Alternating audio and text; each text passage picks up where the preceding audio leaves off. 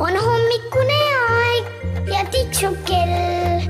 on hommikune aeg ja hing on hell.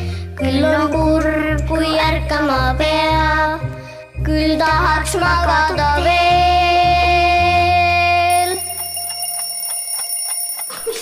tere hommikust! siin on meil Epp, kirjanik Epp Petrone ja siin on ka üks kuue ja poole aastane Maria, kes alles haigutab ja magab siin ja täna ma tõesti hakkan üles äratama nii Mariat kui ka loodetavasti sind, kes sa seal kuulad. Maria, ütle ka tere hommikust. tere. tere. tere, tere. millest ma täna hakkaksin rääkima, et sind üles saada? ma mõtlen, et kas räägiks erinevatest ametitest, kas see võiks sind üles äratada? mis on ametid? no kelleks saada?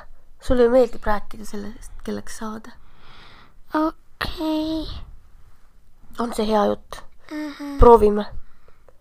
sest Maria on meil selline, kes väga sageli arutab, et ähm, kas võib korraga olla rohkem kui üks inimene, rohkem kui ühte ametit pidav inimene. ja ta ei ole seda veel ära otsustanud, mina ütlen, et saab ikka. sest et mina ka teen tegelikult palju asju korraga või noh, kordamööda, mitte päris korraga. Et kui sa hakkad näiteks kirjanikuks, siis sa saad küll olla midagi muud ka peale selle, et sa kirjanik oled, sest vahepeal sa tahad ju elu uurida ja siis oleks millestki kirjutada. kelleks sina, Maria, saada tahad? ma ei tea. ma ei tõesti ei tea. nii palju asju, mis ma olen hea. tahan köögiks saada. praegu sa tahad vist magajaks saada no aga kelleks sa näiteks veel tahaksid saada? lauljaks. ja laulja elu on päris huvitav, et me mõtleme, et mida peab inimene tegema. no kõigepealt peab ta viisi pidama, aga siis ta peab tahtma kontsertidel esineda. lauljad tavaliselt lähevad hilja magama, tead seda? sest sageli kontserdid on õhtul hilja ja siis lauljad hakkavad mikrofoni stuudios igasuguseid laule lindistama, nagu meie praegu siin, vaata, meil on ka siin üks selline mikrofoni moodi asi siin praegu voodis, kus Maria ärkab. panin siia sellise valge palli ja see on mikrofon. kelleks sa veel tahaksid saada? ma ei tea. kunstnikuks või arstiks? no kunstnik ja arst on väga erinevad. kunstnik peaks palju fantaasiat laskma omal lennata, mõtlema värvides ja mõtlema igasuguseid pildilugusid välja. sest tegelikult igaüks oskab joonistada, kui ta julgeb. minu arust on nii. ja siis kunstnikul peab palju ruumi olema minu arust. sest et kunsti tegemine võtab ruumi uh. -huh. aga arst on tõesti selline amet, kus peab hästi palju õppima. teadsid seda uh? -uh. arst peab õppima peaaegu kümme aastat. kui ta läheb ülikooli, siis hakkab õppima ja õpib ja õpib ja siis õpib veel ja siis õpib veel portsu peale, enne kui päris arstiks saab. sest arstiamet on ju nii keeruline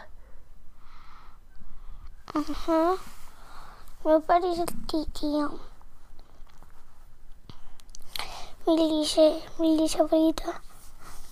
kui mina olin laps, mina tahtsin saada, mõtlesin kirjanikuks, loomaarstiks ja maailmaränduriks. ja kirjanikuks ja maailmaränduriks ma saingi. aga loomaarstiks ma ikkagi ei saanud. kõik plaanid ei lähe täide. minu vanaisa oli ka loomaarst ja siis ma temaga koos käisingi seal niimoodi, et kui vahel telefon helises ja siis keegi helistas vanaisale. sellel ajal olid sellised telefonid, mis olid laua peal. mitte ei olnud mobiiltelefonid. ja. kas nagu sellised väiksed telefonid? üsna suured, nad olid sellised üsna kopsakad laua peal. ja siis see telefon helises. sellist naljakat häält tegi ka teistmoodi kui tänapäeva telefonid. ja siis papa võttis telefoni, ütles tavaliselt joo, joo, no Pole vaja muretseda, kohe tuleme. ja kui ta niimoodi rääkis, siis ma juba teadsin, et tuleb mantel haarata või jakk haarata ja vanaisaga kaasa minna. et kellelgi on häda. kellelgi on lehm haige või midagi.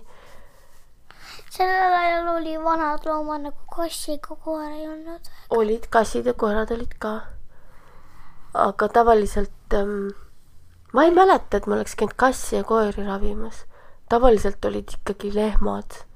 Neid ma mäletan, sest et lehmad olid ju päris kallid ja rasked loomad ja, ja siis noh, kui nemad haigeks jäid, see oli päris suur probleem. aga tavaliselt oli niimoodi, et siis me sõitsime autoga, vanaisal oli selline naljakas auto, selle nimi oli Willis, selline põrises palju ja siis läksime kusagile lauda juurde ja siis tema hakkas seal lehma arstima. aga mina läksin otsima, et kas on mõni kass või koer ja tavaliselt oli. ja siis mina mängisin hoopis kasside ja koertega samal ajal. ja siis mul oligi kogu aeg see plaan, et kui suureks saan, hakkan ka loomaarstiks. ma mõtlesin, et vahepeal rändan mööda ilma ja siis vahepeal kirjutan üles, mis juhtub ja samal ajal olen loomaarst ja mul oli üks lemmikraamat ka, selle nimi oli Doktor Doolittle. ja seal oli ka niimoodi, et oli loomaarst, kes oli maailmarändur ja kes oli kirjanik. noh, enam-vähem niimoodi. okei okay.. kas sul on veel küsimusi maailmaametite kohta? kas hakkab uni ära minema? juba silmad käivad ringi peas. Okei okay vahepeal sa tahtsid hobuse ratsutajaks saada? hobuse õpetajaks võib-olla ja, või hobuse ratsutajaks, see, kes võistleb. kummaks sa rohkem tahad siis, kas ratsutamisõpetajaks või võistlejaks? võistlejaks.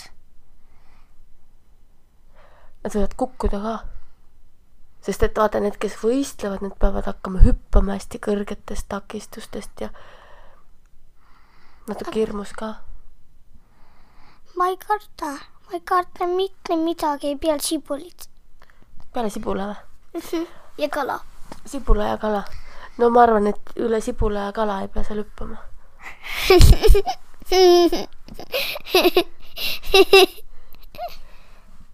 kas sa oled kunagi kukkunud hobuse seljast maha ka mm? -hmm. räägi sellest. see oli nagu ma korraks nagu pöörasin, panin kohe silmad kinni, ma ei tundnud mitte midagi, aga kui ma tegin silma lahti, ma olin maas. kas valus ka oli?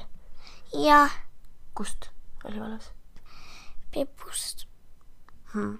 see on väga raske, kui sa, sa lööd enda pipu ära. sul on raske kõndida siis. sul oli mitu päeva vist valus või? jah. ja ikka tahad ratsutajaks saada? jaa kas ratsutamisõpetaja ütleski vist nii, et kõik ratsutajad tegelikult kukuvad vahel? jah, aga tavaliselt kukuvad ühe korra. no üks kord korraga, aga mõnikord kukud jälle, ma kahtlustan, kui sa ikka tahad hüppeid tegema hakata.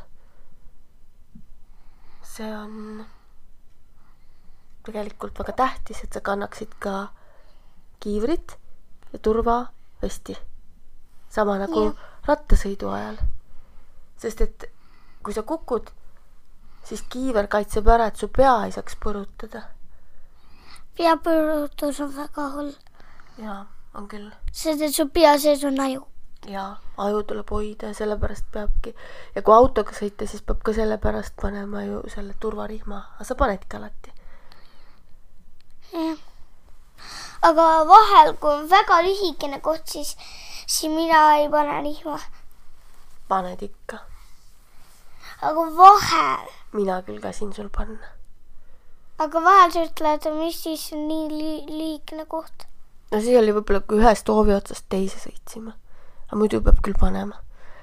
autol alati rihm peale ja ka ratsutades, kui veel ikka väga hästi ei oska ratsutada, siis peab ikka panema turvavesti ja tegelikult kiivreid kannavad isegi päris suured ratsutajad, ka täiskasvanud. kõik, kes võistlevad, nendel ikka ka on kiivrid. aga suuremad ei, ei kanna vesti. väga ei kanna. jah, seda vesti nad nii väga, no vest on sellepärast, et sa oma neid äh, ribisid ära ei lööks või lõhuks. et ag- aga see ei ole nii eluohtlik, aga see, kui sa oma pea kukkudes ära lööd, siis oleks päris ohtlik. sellepärast. nii et sina tahad ratsutajaks saada? sa tahad saada laulja, ratsutaja, kunstnik ja kirjanik, tead, mis sellest kokku tuleb ma ei taha kirja- sellest tuleb kokku raamat või film ma ei taha kirjanikuks saada. aa, kirjanikuks hakkan mina. aga sa oled juba. ma olengi, õigus jah. ja siis ma olen veel rohkem edasi ja siis sina teed pildid ja Äh, muusika? ma olen teinud sulle pildi. Ja ja siis see räägib hobustest. meil on tegelikult ju üks mõte ka, et me teeme võib-olla järgmine aasta ühe raamatu Meie tallilood. sellist raamatut ei ole veel olemas, aga varsti teeme. teeme ära. see on väga hea põhjus ärgata ja päevaga edasi minna. ärganud me juba oleme, aga tõusma peab ka. sest ärkamine ja tõusmine on kaks eri asja. Nüüd on ärkamine tehtud ja nüüd võib igaüks mõelda, kelleks sa saada sa tahad, kui sa suureks saad. ja see on kohe päris mõnus põhjus üles tõusta. head päeva, head elu, head elukutse valikut. tšau, tšau. tšau. on hommikune aeg ja tiksub kell. on hommikune kui ärkama pea, küll tahaks magada veel.